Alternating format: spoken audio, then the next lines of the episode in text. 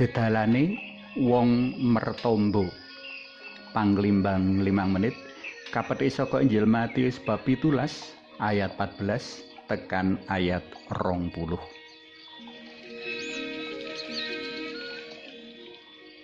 Para sutresna PLM kinasih menawa ditari mesti ora ana wong kang gelem lara nadyan mung lara kangen paribasane iki kabukti rikala ana wong lara wong mau utawa apese keluargane age-age mertombo karben enggal uwal saka panandangi maneka kupiya banjur katindakake amrih katekan sediane nanging akeh uga kang ora enggal mari Mbok menawa waosan dina iki prayoga kasetitikake minangka dedalane sapa wae kang padha mertombo.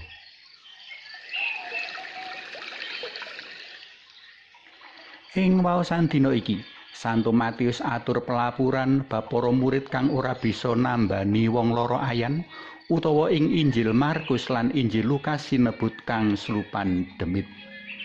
Rikala wong tuwa bocah kangkang slupan demit iki ndeprok nyuwun kanthi adreng supaya Gusti Yesus kersa paring usada nadyan wekasan kaijabahi uga Gusti Yesus sajak ngemuduka Gene Gusti duka lan para murid ora bisa nambani si bocah kang ayan. Awake dhewe bakal antuk gegambaran luwih gamblang dukane Gusti Yesus iki menawa karsa nyejajarake prastawa dina iki karo prastawa ing Injil Markus bab 9 ayat 14 tekan ayat 28 lan ing Injil Lukas bab 9 ayat 37 tekan ayat 43 Saka kuno pawadan gene Gusti Yesus ngemuduka lan para murid ora bisa nambani larane kangkang slupan demit kawiyak. Kabeh mau jalaran para murid kurang percaya marang panguasaning Allah pangeran ing dirine sarta kang mertombo malah ora percaya kepara padha laku nasar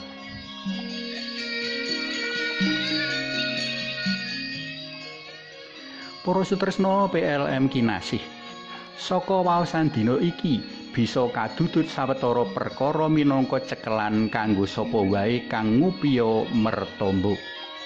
Kanthi cekelan telung perkara iki menawa Gusti ngersakake apa kang kakupiyake bakal ngawohake asil. Sepisan, sapa kang ngupiya tombo, mbuh sing lara, mbuh sing kajibah golek tombo, kudu yakin menawa Gusti Allah migunakake sapa lan apa wae mligine kang disuwuni tombo.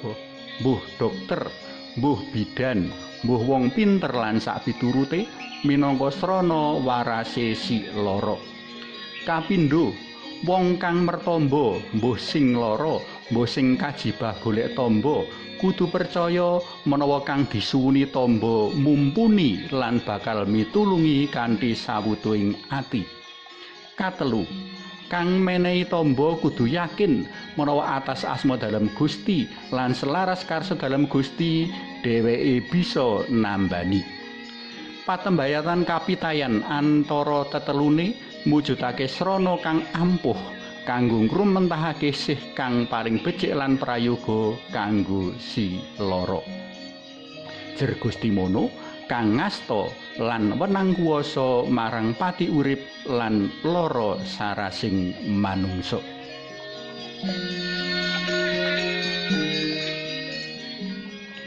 saiki ayo padha munjuk Kunjung asma dalem yang romo, so yang putro, tuin yang roh suci.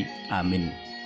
Alamo asih, mugi katambao iman kawulo, amrih tansah, lan tansaya pitados mbring sedaya karso, pakaryan dalem ingkang maujud wonten para tenaga medis.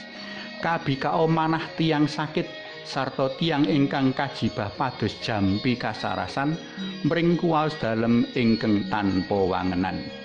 mugi biner kahono ugi tiang-tiang ingkang makarya kangge kasarasanipun sesami amin kunjung asma dalem yang romo so yang putro tuwin yang roh suci amin Música